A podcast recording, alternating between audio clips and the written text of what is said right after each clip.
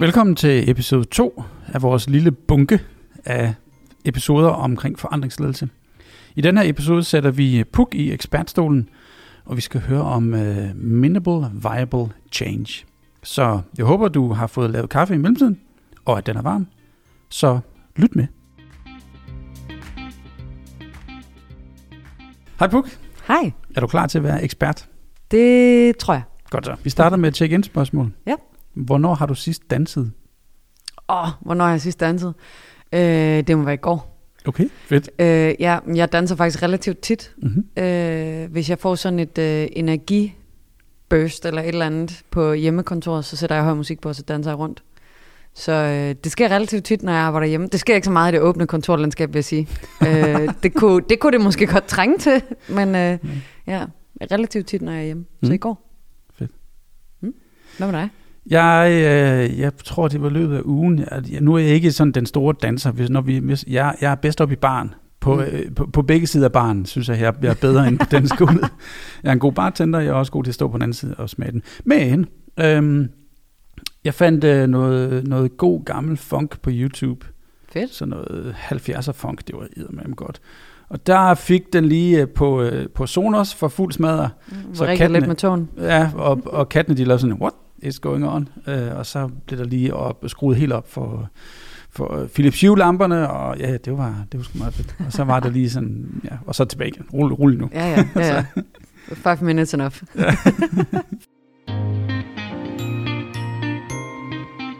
Nå, Puk, Minimal Viable Change. Uh, hvad er det? Jamen, det er jo egentlig lidt... Hvad kan man sige? Det er et udtryk, jeg har lånt fra øh, Lean Startup med, med Minimal Viable Product. Altså, hvor du laver den mindst mulige øh, fungerende produkt. Og det er Jason Little, der har skrevet en bog om det. Nej, hvad hedder han? Eric Ries? Nå, Sta- øh, Lean Startup? ah, på den måde. Ja, det Ja. giver da super god mening. Ja. Øh, og, og det har jeg og også andre, øh, det, jeg vil ikke øh, tage, at det var mig, der gjorde det, men tale om, om en minimal viable change i form af, hvad er den mindste funktionelle forandring, vi kan skabe nu. Mm. Og det skal måske ses, altså hvis du har en stor planlagt forandring, så kan du måske tage det i små bidder, altså inkrementel forandring, hvor at du laver den mindst mulige funktionelle, vi gør nu. Eller et, du kan også kalde det et eksperiment, eller en lille change-aktivitet, som vi lærer noget af, og vi kan bygge ovenpå. Så det handler også lidt om, at de ting, du gerne vil lave i din forandring, at det ikke er aktiviteter, du du låser. Altså, så der er på en eller anden måde også noget skaleringstankegang i det, at nu laver vi mindst muligt. Vi tester det måske her på øh, fem personer, vi inviterer ind til det her, og ser, hvordan reagerer de på, på det, vi nu gerne vil. Og så kan det godt skaleres bagefter. Mm. Så, så det er ikke en aktivitet, man låser sig i. Så for eksempel en, en intranet-artikel er ikke nødvendigvis en minimal viable change, fordi det er bare en intranet-artikel. Du, Mhm. du skalerer jo ikke, en, du gør den jo ikke længere. Det gør den jo ikke federe. En intranet-artikel er, som den er. Øh, så, så det er sådan nogle aktiviteter, du kan lave en minimumudgave af og skalere op øh, i forhold til den forandring, du gerne vil lave. Okay, så nu, nu prøver jeg lige at tage det og sætte det ind i en eller anden kontekst. Mm-hmm. Øh, jeg har lavet, I don't know, 30 IT-udrulninger i mit liv af forskellige software eller løsninger, eller hvad nu man gør. Så minimal viable change kunne være, når vi nu ruller SAP ud i, det her, øh, i den her verden, Mm-hmm. øh, så har vi en idé om, hvordan vi skal lave vores træning. Ja. Men for at trykprøve vores idé, så laver vi lige en test. Ja. Og testen kunne være, al træning foregår med små, snackable 30 sekunders videoer. Ja. Og så laver vi sådan nogen og finder ud af, okay, om det var eddermame godt eller super noller. Præcis. Og så laver vi en, en test på, at vil det være et eksempel på en minimal viable change? Det kunne det godt være. Øhm, og det er jo så en meget planlagt systemisk change, fordi du har et system at træne i, mm. selvfølgelig.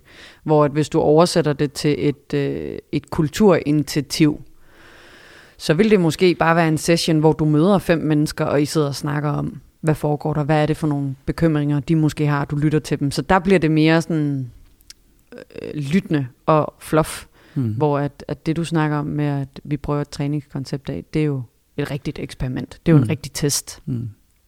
Øh, og det er der, hvor at minimal viable change overlapper i alle mulige andre udtryk, som øh, test, eksperimenter, aktiviteter alt muligt. Så det er mere den der tankegang af, lad os prøve noget, noget småt, der kan fungere for at teste det større. I stedet for at sætte sig ned og lave en plan, en detaljeret forandringsplan for de næste seks måneder, uden at vide, om det kommer til at holde vand, så lad os lave en periode, hvor vi laver nogle små tests af, hvad er det, den minimum effort, der skal gøres. Det kan jo være, at det viser sig, at den minimum effort, vi gerne vil lave, den minimum change, det faktisk er nok. Mm.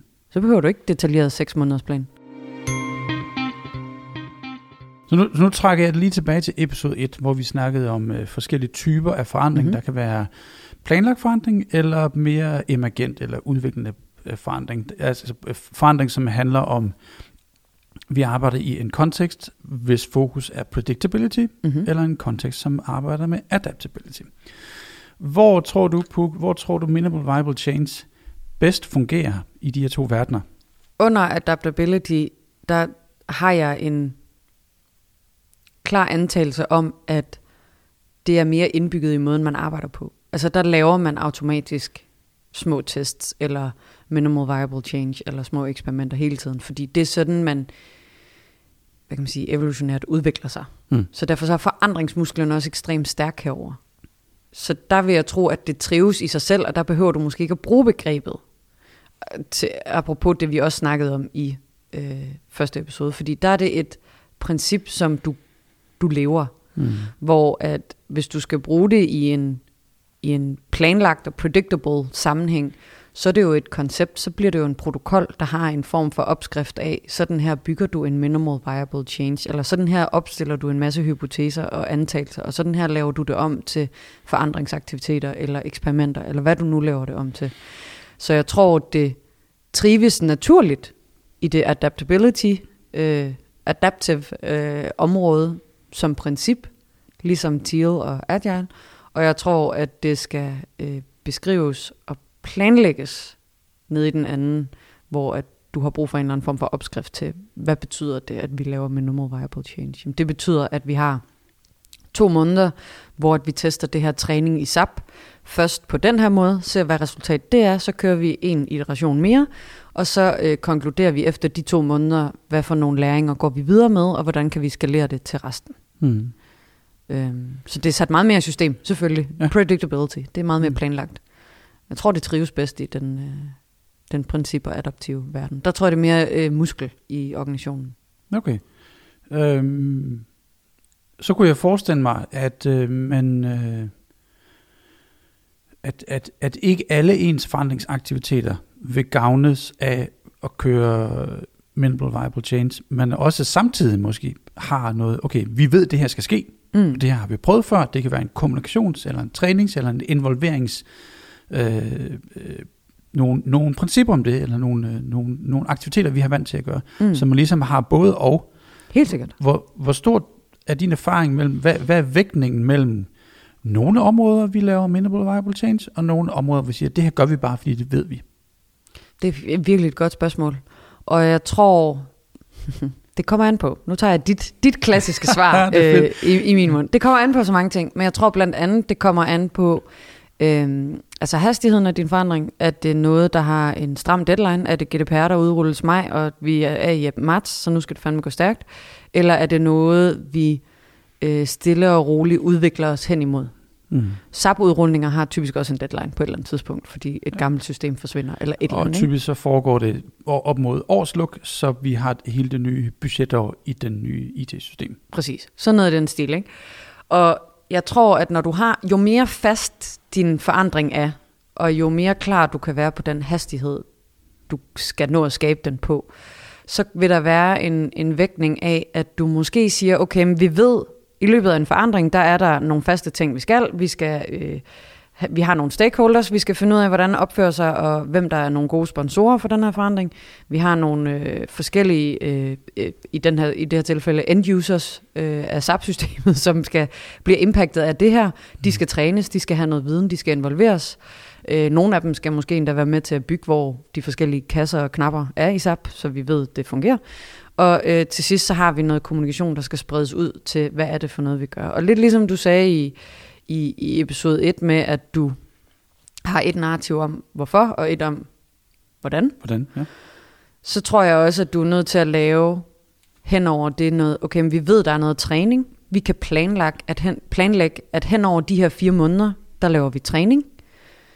Men op til det har vi måske to måneder, hvor vi skal finde ud af, hvordan gør vi det? Mm. Hvordan træner vi? Og der kommer de der, okay, snackable 30 sekunders træning, det tester vi de to måneder op til. Mm. Men vi har planlagt, at de fire efterfølgende måneder, måneder, det kører i de og de hold, på baggrund af de og de læringer, vi får fra de to måneder. Så det kan du jo godt planlægge. Du kan også planlægge, at øh, i det her område sætter vi fokus på slutbrugerne, og hvad er det for et impact, de kommer til at opleve af, at vi skifter til SAP. Mm. Og der kan du godt sige, okay, men det tror vi tager tre måneder. Lad os planlægge, hvordan vi kan snakke med dem og involvere dem, og hvad er det for nogle ting, vi skal bruge. Men hvordan du så gør det i de tre måneder, det kan godt være en minimal viable change af, at du starter med at sige, okay, men, øh, Paul og Gitte, de øh, ved sgu meget. Dem, øh, de har en stærk øh, relationsevne, eller de er gode brobyggere, eller et eller andet i organisationen. De er sådan en, en lim mellem de andre. Lad os starte med at, at snakke med dem, og lave en minimal viable change, hvor vi præsenterer dem for den her bid af løsningen, mm. og ser, hvordan de reagerer. Og så er det ligesom det, du starter de tre måneder, hvor du kigger på slutbrugerne og hvad impact er. Og så bygger du ovenpå. Så jeg tænker, dit spørgsmål var jo egentlig vægtningen. Jeg tror ikke, jeg kan give dig procentsats, men jeg tror, det handler om, at du bygger det sammen. Mm. Så du, du planlægger, i den her periode fokuserer vi på det her. Det gør vi ved at lave de her to, tre minimal viable changes, som vi gerne vil se om er nok. Og hvis det er nok, så skalerer vi det. Hvis det ikke er nok, så må vi bygge på. Så noget af det, der afgør øh, kombinationen mellem traditionel forandringskommunikation og involvering og minimal viable change er, som jeg hørte dig sige det, øh, det er noget med urgency. Mm. Øh, hvor travlt har vi for at komme i mål med det her? Mm. Det andet er øh, impact. Hvor voldsom en forandring er det her? Øh, og det tredje kunne så også være noget med, okay, hvad er, hvad er de kompetencer, forandringsledelseskompetencer, vi har i organisationen? Helt klart. Eller forandringsledelseserfaring, hvilket ikke er det samme. Ja. Så det, det er noget med det. Urgency, impact, kompetencer og modenhed, som, mm. vi, som vi skal skulle navigere i. Og den sidste ting, som er noget med, med skalering. Mm. Er det her en forandring bare for dig og mig, Puk? Eller for 10.000 mennesker i en business unit, eller, i, eller på, på kloden rundt, som gør at man ikke nødvendigvis kan involvere alle, men man er nødt til at nogle gange lave noget disciplinær forandringsledelse. Ja, ja og så altså, i forhold til modenhedsspørgsmålet, så er det jo heller ikke alle organisationer, som altid er klar på at involvere i alt. Altså, så der kan det godt være, at nogle af de minimal viable changes, du, du gerne vil lave, slet ikke handler om at involvere. Nu, de eksempler, jeg har givet, har været meget om at involvere, mm. men det er jo ikke alle, der gerne vil det. Og noget, man skal passe på med i forandring især, er også, at det ikke bliver pseudo-involvering.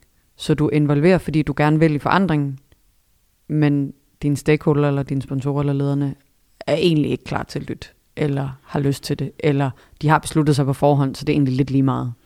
Okay, øh, lad os lige få det. Der er godt over det her pseudo-involvering. Prøv lige at dobbeltklik på det ord på. Hvad er det?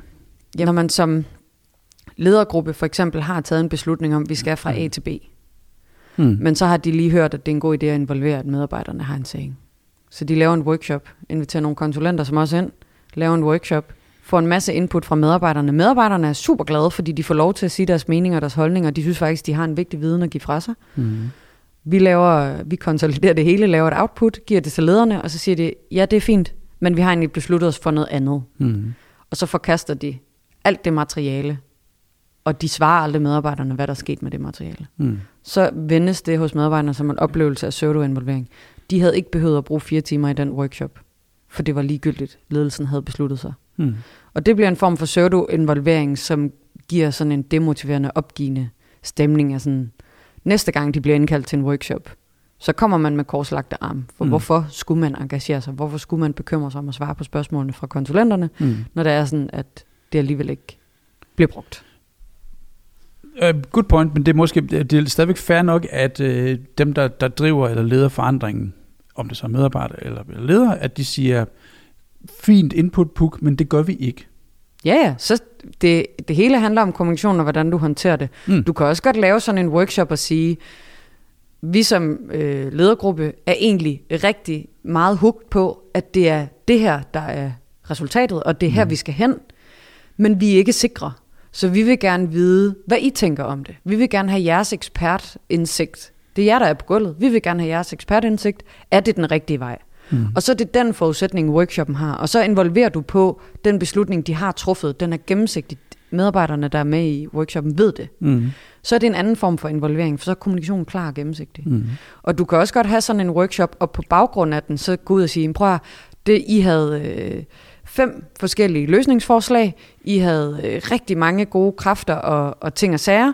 Vi kan se med det, vi ved nu, at fire af dem kan ikke lade sig gøre på nuværende tidspunkt. Det er vi måske ikke modne til, eller det har vi ikke teknikken til, eller det er vi, hvad har vi budget til? Det har vi ikke. Men en af dem virker måske i sammenhæng med den her idé, som vi har. Mm. Altså, så, så, så længe kommunikationen er klar, så føles det mindre og mindre mm. pseudo. Men den anden involvering, hvor at man ikke får at vide, hvad det bliver brugt til. Og mm. det, det er tilbage til også principperne om god feedback. Altså, mm. hvad er det, hvis du indsamler feedback eller deltager i, i surveys, øh, spørgeskemaer, så vil du gerne vide, hvad det bruges til. Altså nu har vi jo, jeg ved ikke om du har deltaget, men jeg har deltaget i alle de der corona-spørgeskemaer, der er kommet fra, mm. fra institutterne. Øh, og der står jo klart og tydeligt på forsiden, hvad de har tænkt sig at bruge resultatet til. Mm. Det, er jo, det er jo det, du har brug for, for at involvere dig. Og sige, okay, men de har, de har tænkt sig at bruge det her til forskning, for at finde ud af, hvilke vaner har ændret sig, eller hvad, hvilke påvirkninger har sygdommen på lang sigt. Mm. Det vil jeg jo gerne vide, før jeg bare giver dem øh, resultater af, om jeg har feber, og øh, om jeg mentalt har været udfordret de sidste to år. Mm. Det vil jeg gerne vide, ellers så gider jeg jo ikke at svare på sådan nogle ting. Der, jeg, øh, lige en tråd, og det her, det, det kan være noget, vi skal snakke om om nogle episoder, men jeg har sådan en, en kæphest omkring det der iceberg of ignorance. Hvem, hvem ved, hvad der er rigtigt for organisationen? Mm. Øh, vi dykker ikke ned i det nu, men jeg har simpelthen jeg har et rant omkring det der iceberg of ignorance, som øh, der er en podcast, som en podcast episode, som vi skal optage. Cliffhanger. Øh, iceberg hanger. Og nu laver jeg det hook over i sig, hvad er det så, man skal kunne som organisation eller som øh, forandringsdriver.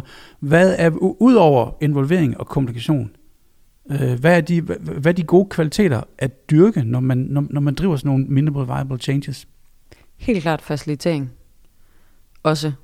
Især hvis du, altså om det, hvis det er møder eller workshops eller en anden form for facilitering, eller hvis det er øh, online træning, du udruller. Altså videoerne og møderne skal bare faciliteres ordentligt, mm. og du skal guide folk derhen. For hvis du ender med sådan et møde, hvor alle bare sidder og råber deres bekymringer, eller deres brok, eller et eller andet, så det, det skal du kunne lukke ned på en pæn måde, mm. øh, og, og facilitere dig vej igennem det. Så helt klart facilitering, involvering, kommunikation, facilitering. Så er der helt klart også noget i forhold til, øh, da jeg gik på, på uni og læste change management, der hed det psykologisk, eller organisatorisk psykologi. Mm-hmm.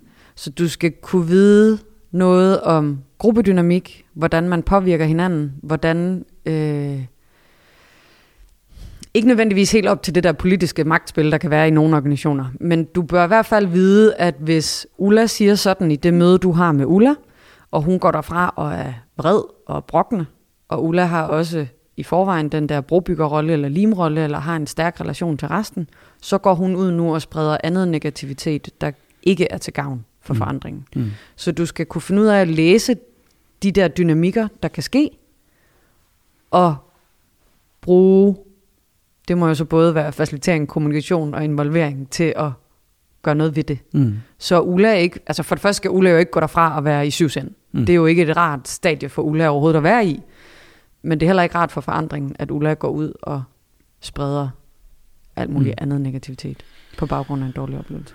Det kan jeg godt genkende det der. Jeg kan genkende det fra stort set alle de øh, udviklinger, eller forandringer, eller transformationer, vi har lavet. Eller på et eller andet tidspunkt, så sidder vi i en workshop, eller en eller anden kommunikation, hvor nogen bliver vrede, eller nej, hvor nogen udtrykker vrede, mm. er nok et bedre, ja. som kan komme fra en bekymring, eller en skuffelse, eller en øh, nervøsitet, eller noget, hvor de, hvor de går en vej hen, hvor de øh, er overrasket. Det kan også være overraskelse.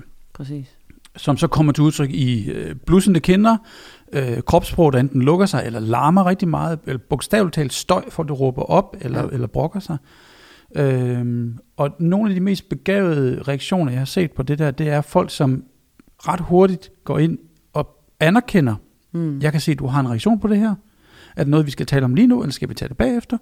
Og så tager dialogen efterfølgende også. Præcis. Og så undgår at, at agere alt for hurtigt på det, men der det lige synke ind mm. øh, som en følelsesmæssig oplevelse, både til dem, der var til stede, og til personen selv, og til den ledergruppe, der, der har drevet det.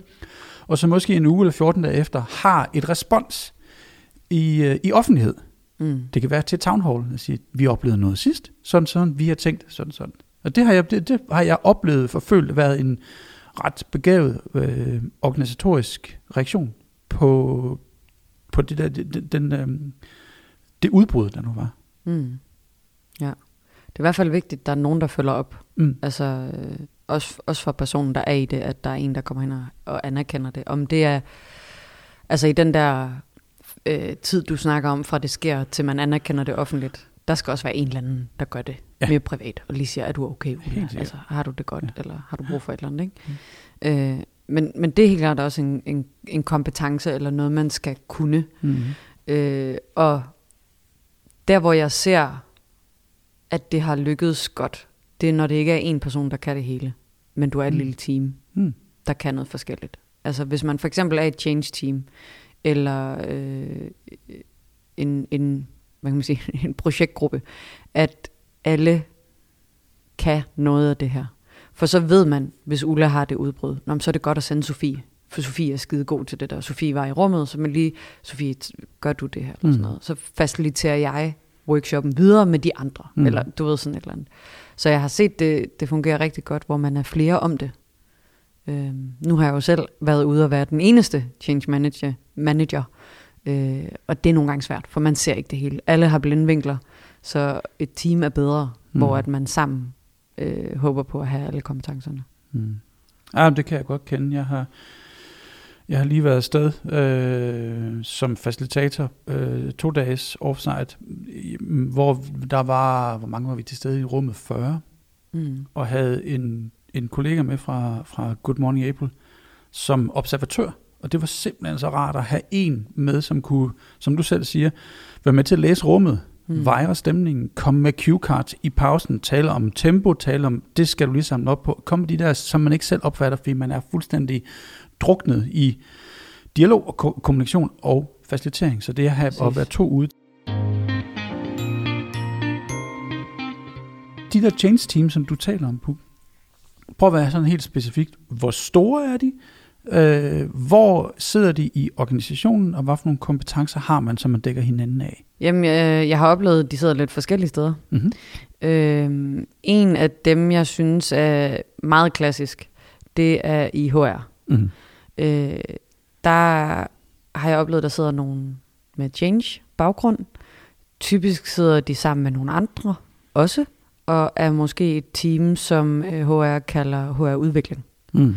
Så man sidder måske med forandringsledelse, øh, lederudvikling, øh, træning, øh, nye måder at lave mus på, eller du ved, sådan den der udviklende del af HR, den uddannelsesmæssige del. Og så er man en del af det, og hjælper med at udrulle nye initiativer på den måde i, i organisationen. Og nogle gange kan det også lugte lidt af trivsel og kultur. Så det kan være udrulling af et, øh, et øh, ledertræningsprogram, eller insightsprofiler, eller feedbackkultur, eller Ja. sådan noget. Ikke? Præcis, Ja. præcis. Øh, det ser jeg som et meget klassisk sted. Så er der også nogle gange, at det hænger sammen med intern kommunikation. Mm. Så enten så sidder der en med intern kommunikation i det team, eller også så sidder der nogen, der laver uddannelse, træning og forandring i intern kommunikation. Det, Mm. Den er sådan lidt, der har jeg set lidt et mix eller blendet, eller hvad man siger. Øhm, den helt anden boldgade, det er IT. Øh, jeg ser flere og flere change teams, der opstår i IT. Øh, og øh, der er det jo mere, hvad kan man sige, hvor den i HR, øh, ja, det er håndgribeligt at lave noget uddannelse og noget træning, men det kan også godt være meget fluff, når man begynder at snakke kultur. Og så kan det være mere en organisatorisk forandring, mm. hvor at når du sidder nede i IT, så er det jo IT-forandringer. Det er system, det er teknisk typisk. Så der er du med til at bære den menneskelige side af en teknisk forandring, og er med til at sige, okay, men hvordan kan vi få øh, brugerne til at bruge systemet, og blive ved med at bruge det, og synes det er fedt, og hvis det er nogle systemer, der påvirker meget, hvordan du arbejder, altså helt nye systemer, eller en helt anden måde at gøre tingene på, så er der jo også noget way of working i det, Mm. som du tager dig af. Mm. Men der er det mere, altså jeg vil sige, for mig personligt er det nemmere at planlægge ned i IT, fordi det er mere teknisk, og du ved, okay, men systemerne kommer til at kunne det her. Mm. Så det er nemmere at planlægge, og det er nemmere at lave eksperimenter omkring, Mm. hvor det andet er mere abstrakt og fluff. Mm. Så der skal der måske flere mindre minimal viable changes til for at finde ud af, hvad der er det rigtige. Hvis man vil gå den involverende vej, selvfølgelig. Hvor stort er et, øh, et optimalt forandringsledelsesteam så? Mm, det afhænger jo også af størrelsen af organisationen, og hvor mange Ja, projekter og initiativer, man er en del af. Øh, men umiddelbart så vil jeg sige sådan 3-4 stykker som det minimum for at være nok til at have forskellige øh, have forskellige blindspots, skulle jeg lige til at sige, til at Mm. kunne se hinandens blindspot og have forskellige kompetencer. Øhm, og det jeg, det jeg synes er en fed kombination, det er, at der er, øh, lad os bare sige, to af dem, to ud af fire, som også er skideskarpe på kommunikationen. Mm. Altså både på at lave den og forstå forskellige kanaler, forstår hvordan man kan lave god materiale til sponsorerne, der skal ud og holde town halls eller roadshows omkring det, øh, men som virkelig sådan forstår det kommunikative aspekt. Mm.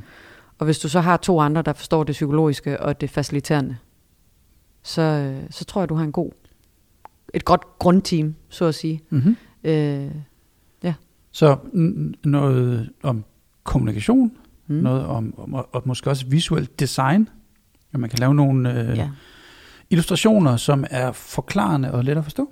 Ja, ellers i hvert fald, man har adgang til, at måske en rigtig kommunikationsafdeling i samme organisation Mm. øh, øh, bistår en i det arbejde. Øh, men, men det er sjovt, fordi jeg har faktisk selv også lidt sådan en, øh, jeg har modstridende forhold imod kommunikation. Mm. Fordi jeg har nogle gange kommet ud til nogle change-opgaver, hvor at, når jeg så kommer derud, så er det i virkeligheden bare en kommunikationsopgave. Og Mm. nu siger jeg bare med godsøjne, ikke? Ja. Altså, det, det er ren kommunikation. Der er ikke særlig meget forandring i det. Det er vidderligt bare, send den her mail, gør det her, og sig, at træningen starter. Alt andet er på plads. Mm. Og der bliver jeg lidt ærgerlig over, at man pakker den kommunikationsopgave ind i forandringsledelse, fordi det er en kommunikationsopgave, og kommunikationsopgaver kan godt skabe adfærdsændringer, og kan godt være med til at gøre, at nogen gør noget andet Mm. i sig selv. Øh, så, så det synes jeg er ærgerligt, at man pakker ind i forandringsledelse. Men til gengæld, så synes jeg heller ikke, man kan have et forandringsledelsesteam uden kommunikationskompetencer. Nej, det øh, giver mening. Så kommunikationskompetencer, Mm. illustrationskompetencer, Ja, Mm. nogen. øh, og så noget om øh, psykologi, Mm. antropologi, gruppedynamik, Mm-hmm. øh, og så noget omkring facilitering. Ja. Så det, det gode change team har de her ting. Tilbage til det, vi snakkede om i episode 1. Er der en risiko for, nej, det er der selvfølgelig, hvor stor er risikoen for, at man som change team får fokuseret for meget på narrativ 2, som handler om how, og ikke narrativ 1, som handler om why. Er der, hvor stor er risikoen for, at man glemmer det overordnede narrativ, som handler om, hvorfor vi laver forandringen? Øhm, stor vil jeg sige. Øh, mest i forhold til, at jeg oplever tit, for eksempel når du har lavet en, en kommunikationspakke med nogle slides, som måske en video, at så er det tit why-slidet, der bliver, det har vi jo sagt. Mm. Lad os fokusere på, hvordan vi kommer til at gøre det. Hvor at, at hvis du spørger mig, så why-slidet, som måske er det samme, og måske er det gentagende budskab, er også nødt til det, du bliver nødt til at gentage hele tiden, Mm. og bliver nødt til at sætte scenen med, så du har den der retning. Især hvis du er oppe i det, der er, øh, hvad hedder det, adaptive og er principper, så er du nødt til at sætte why som, som startende hver gang. Hvorfor er det, vi er samlet? Hvad er det, det her går ud på? Jamen nu skal du høre, vores retning er det her, og vi gør det her, fordi, og det er vigtigt. Øh, fordi at, at det betyder noget for os som selskab. Nu skal vi høre, hvordan. Og vi er her i status, ud af de her fem trin i, hvordan vi kommer i mål. Mm. Øh, det synes jeg er vigtigt, men jeg oplever, at det er det, der bliver skåret først fra. Mm.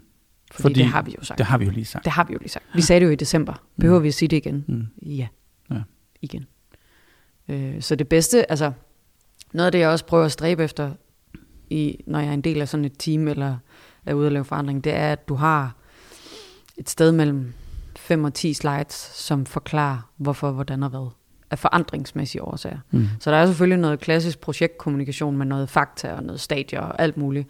Men hvis du så har nogle forandringsslides til at støtte det med, som du kan genbruge, som medarbejderne også kan genkende, så er det jo fedt at få det budskab igen. For eksempel, mm. øh, da jeg var i metroselskabet, der fik vi jo lavet en illustration en tegning, som var sådan et landskab af den digitalisering, vi skulle igennem. Mm. Og hver eneste gang, vi havde et roadshow eller øh, et eller andet kommunikation, så var det en af de første slides. Og så blev den jo nogle gange opdateret lidt. Så adresserede vi de nye opdateringer i den. Men vi brugte den faktisk også til at zoome ind og ud. Så når Mm. projekterne havde noget, de snakkede om, så zoomede vi ind på det projekt i illustrationen, og så fortalte projektet. Så zoomede vi ud igen, og så zoomede vi ind. Ligesom sådan et landkort. Mm. Og det gjorde jo, at der var noget genkendeligt om, hvorfor er det, vi gør det her. Jamen det er det, illustrationen fortæller os. Mm. Og så bygger vi hvor, eller hvordanet oven på det. Mm. Øh, og det synes jeg med fordel, man kan arbejde på. Men det er noget, der nogle gange bliver glemt og sagt. Det har vi jo sagt, det kan de læse om på internettet. Mm. Jamen, hvem går ind og læser om det af sig selv? Det skal man, man skubbes til, ikke? Mm. Hvor svært er det for, for ledergrupper at acceptere, at I begynder at have arbejdet med minimal viable change, og ikke bare, ikke bare gøre det, vi nu har aftalt? Hmm, godt spørgsmål. Jeg synes, vi er faktisk tilbage til en anden diskussion også. Skal man altid kalde det change, Mm. eller er det nogle gange bare udvikling? Skal man altid kalde det minimal viable change, eller er det bare et møde, jeg lige holder med de her fem mennesker for at spørge dem, hvordan de har det? Øh, så hvordan du framer det i forhold til de aktiviteter, du gerne vil, eller den læring, du gerne vil have, det har noget at sige om, hvordan lederne accepterer det, af min oplevelse. Og der har jeg oplevet, at jo mere nede i predictability og orange, og måske endda mod amber du er, jo mere bruger jeg andre ord end minimal viable change, Mm. mm. og siger, jeg synes, det kunne være fedt lige at invitere de her fem øh, end, end users af SAP ind her, allerede nu, så tidligt i fasen, for at høre dem, hvad de tænker om, at vi overhovedet skal have SAP. Mm. Den læring kunne jeg godt tænke mig at få nu, så vi ved, hvordan folk måske vil reagere i fremtiden. Og sige det på den måde, så er de sådan, Nå, det lyder da som en god idé at få deres input. Det gør vi da bare. Mm. I stedet for at sige, jeg vil gerne lave en minimal viable change, hvor jeg, hvor jeg inviterer fem ind til en lean coffee session, hvor vi så snakker om SAP. Mm. Det er for mange ord, hvor folk tænker, what? Mm.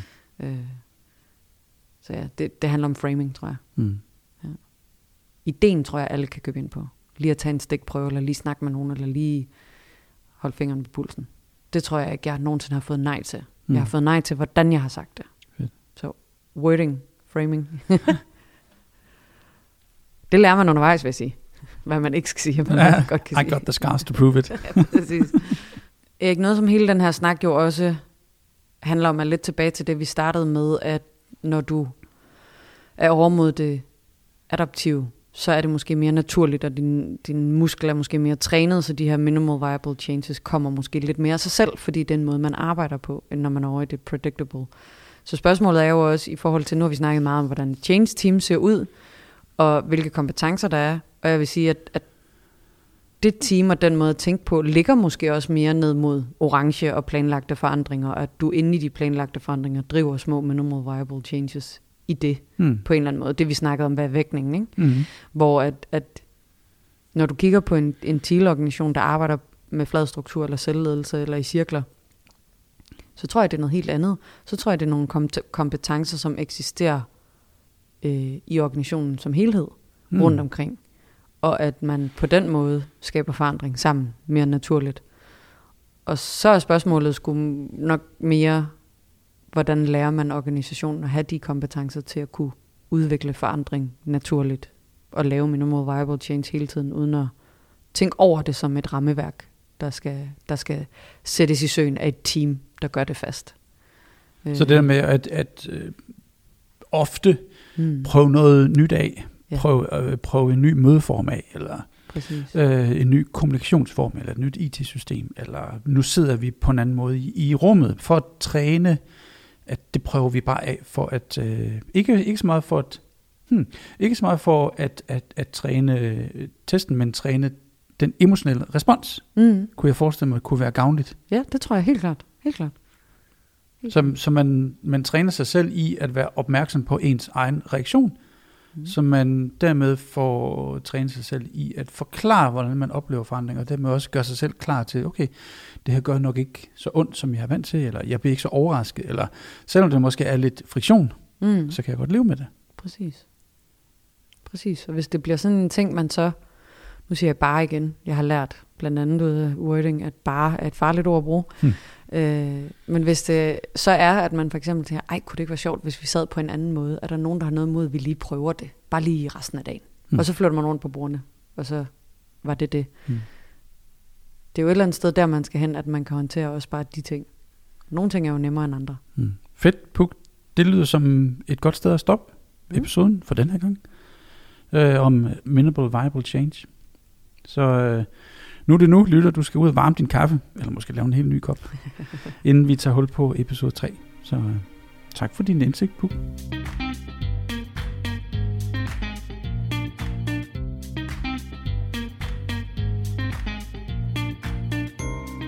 Tak fordi du lyttede med. Hvis du synes episoden kunne noget fedt, så del den endelig med dine kolleger eller med din leder. Husk, at du kan rate og review os i iTunes. Og du kan også abonnere på os, så du kan få fat i fremtidige episoder. Tak fordi du er med til at skabe fremtidens ledelse.